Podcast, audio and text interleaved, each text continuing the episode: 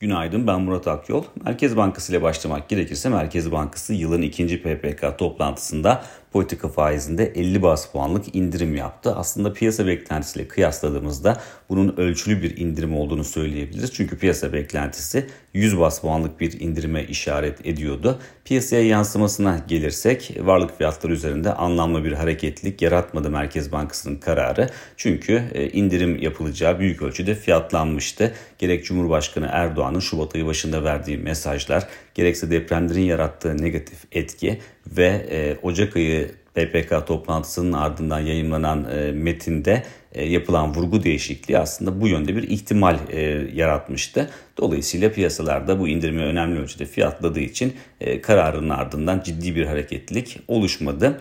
E, sonraki dönemlere ilişkin e, net bir mesaj yok aslında e, yayınlanan metinde ama e, şöyle bir cümle var. E, kurul bu ölçülü indirim sonrası para politikası duruşunun fiyat istikrarı ve finansal istikrarı koruyarak deprem sonrası gerekli toparlanmayı desteklemek için yeterli olduğu görüşündedir. İşte bu cümle aslında e, faiz indirimlerinin bir seri olarak devam etmeyeceğine yönelik bir algı yaratıyor. Dolayısıyla bunu şimdilik e, tek seferlik bir indirim olarak değerlendirmek gerekir.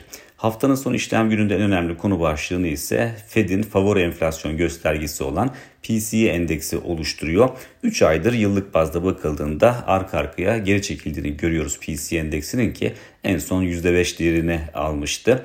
%5'in e, e, aynı seviyede kalacağı tahmin ediliyor. Ortalama piyasa beklentisi bu yönde. E, hatırlatmak gerekirse hem TÜFE rakamı hem de ÜFE rakamı piyasa beklentisinin üzerinde değerler almıştı. Şubat ayı içinde açıklanan veriler. Dolayısıyla PC endeksinin de yukarı yönlü bir sürpriz yapması durumunda e, beklentilerden daha güçlü bir rakam oluşması durumunda bunun e, hali hazırda yurt dışında zaten e, yoğun şekilde devam eden e, sıkı para politikasına yönelik endişeleri daha da arttırma e, ihtimali söz konusu ki böyle bir durumda bunun e, hisse senetleri üzerinde özellikle baskı oluşturma ihtimali yüksek görünüyor. Borsa İstanbul'a dönersek Borsa İstanbul FED tutanaklarının ardından küresel piyasalarda genel hatlarıyla kararsız bir görünüm vardı ve bu görünümden de etkilendi. Güne zaten e, kararsız bir şekilde başladı. Eksi bölgeyi de test etti hatta. Ancak e, BIST endeksi e, PPK toplantısı öncesinde özellikle bankacılık sektörünün güçlü performansıyla %1'e yaklaşan bir değer kazanımına ulaştı. Fakat Merkez Bankası'nın e, piyasa beklentisinin altında e, faiz indirimi yapmasının ardından bankalar kazanımlarını koruyamayarak geri verdi. Dolayısıyla bu da aslında endeksin geneline yayılan bir bozulma yaratınca e, bu seviyeden uzaklaşarak e, BIST endeksi günü kapattı.